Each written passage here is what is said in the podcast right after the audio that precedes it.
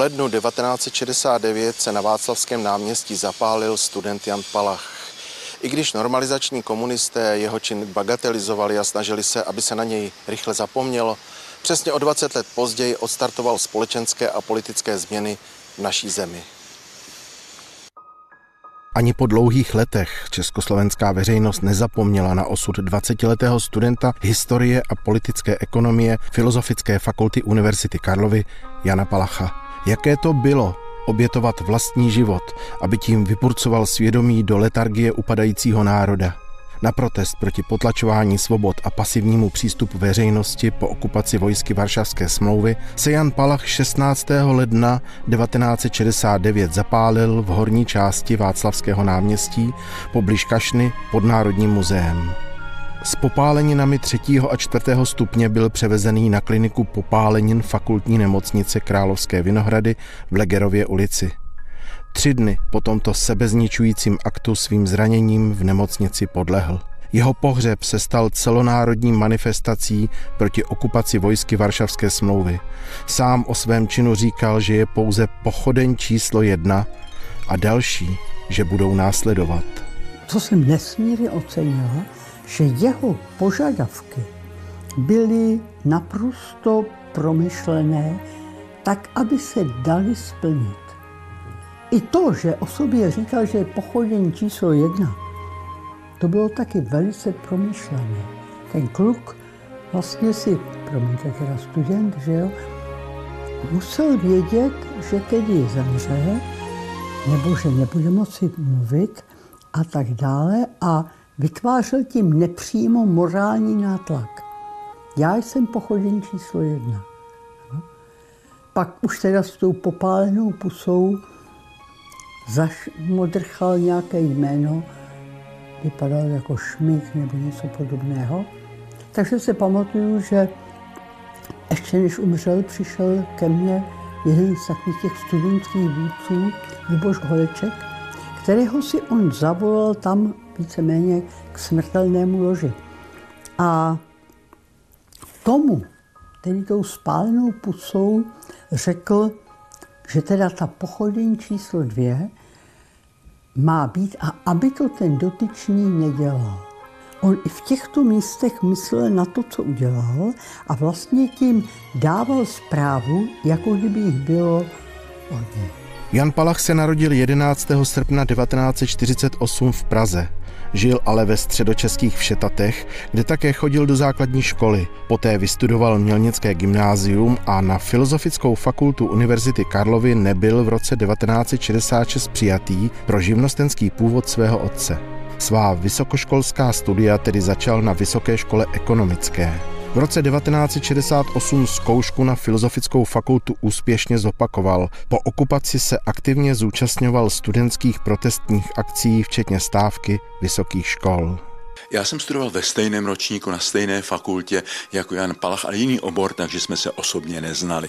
Ale ta jeho smrt mě hluboce zasáhla.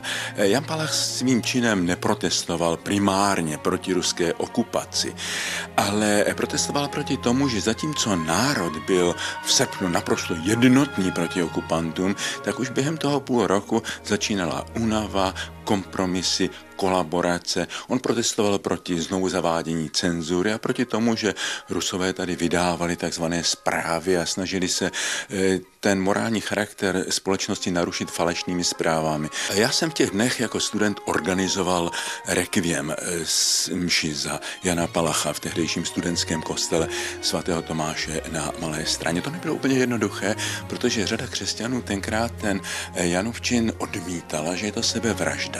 A já jsem oponoval citátem z Chestertona, že je rozdíl mezi sebevrahem a mučedníkem. Sebevrah pohrdá životem, mučedník pohrdá smrtí.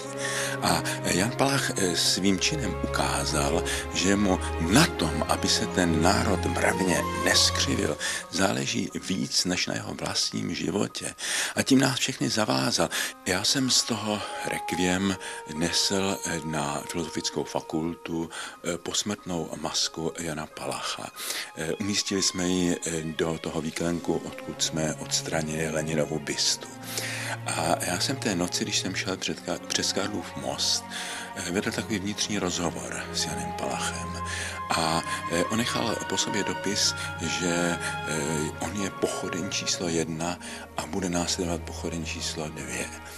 Jsem si najednou uvědomil, my všichni, kteří jsme pochopili smysl toho jeho činu, tak jsme vlastně v té situaci pochodně číslo dvě. Jsme tím morálně zavázáni, nějak na to každý musíme odpovědět. E, odpověď pro mě nebyl takový čin, že bych se zapálil, ale myslím, že e, to bylo rozhodnutí, že se neskřivím a že to bylo rozhodnutí, které potom vedlo k tomu, že jsem se zapojil do té podzemní církve náboženského kulturního disentu. Já jsem byl mnohokrát během toho eh, normalizačního režimu eh, vyslýchán STB, které se mě snažilo zlomit.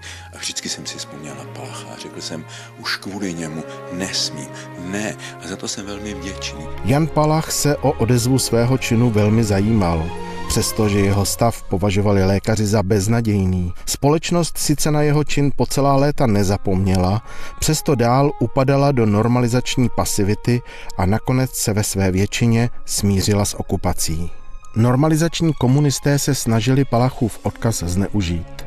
Například Komunistický funkcionář Vilem Nový roznášel o Palachově činu, smrti a motivaci naprosto neuvěřitelné teorie. Podle nich byl Jan Palach vylosovaný jako první ze studentské skupiny a nechtěl se zabít, pouze se polít chemikálií, která způsobí nepálící studený oheň. Svým činem chtěl destabilizovat společenskou situaci. Chemikálie mu ale členové studentské skupiny přimíchali do hořlaviny příliš málo a jen proto potom utrpěl smrtelné popáleniny. Studenty měl navést Pavel Kohout, Luděk Pachman, Vladimír Škutina, Emil Zátopek a studentský vůdce Lubomír Holeček. Ti se ovšem proti nového lžím ohradili a podali na něj žalobu na ochranu osobnosti. Další žalobu podala Palachova matka, kterou u soudu zastupovala známá advokátka a porevoluční ministrině spravedlnosti Dagmar Burešová. Soudkyně Jarmila Ortová obě žaloby zamítla a zdůvodnila to tím, že Vilém Nový měl nejen právo, ale také povinnost kritizovat Palachův čin. Ani mrtvý Palach nedal normalizačním komunistům spát. Jeho ostatky byly nejprve pohřbeny na pražském Olšanském hřbitově. V říjnu 1973 pak byly pod policejním dozorem tajně exhumovány, spopelněny a popel byl uložený na hřbitově ve Všetatech.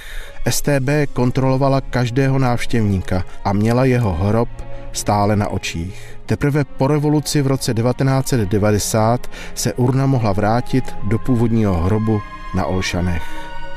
Palachovy myšlenky nezapadly, naopak dá se říci, že odstartovali revoluční rok 1989. Po 20 letech, po připomínce výročí jeho činu, se národ schopil, přesně jak by si to nejspíš představoval. Policie zatkla Václava Havla a další disidenty a následovala petice za jejich propuštění.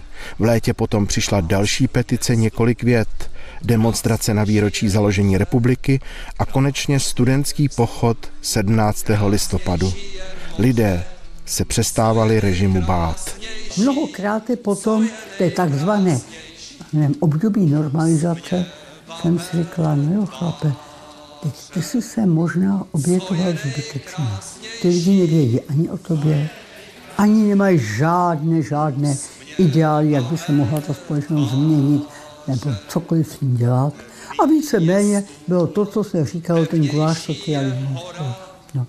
Ale pak, když přišlo to výročí, tak jsem si na něho kolikrát vzpomněla a říkala jsem si, škoda, že to nemůžeš vidět. A to mě jako tak jako z takového důvodu, víte, jako by ten klub musel mít satisfakci.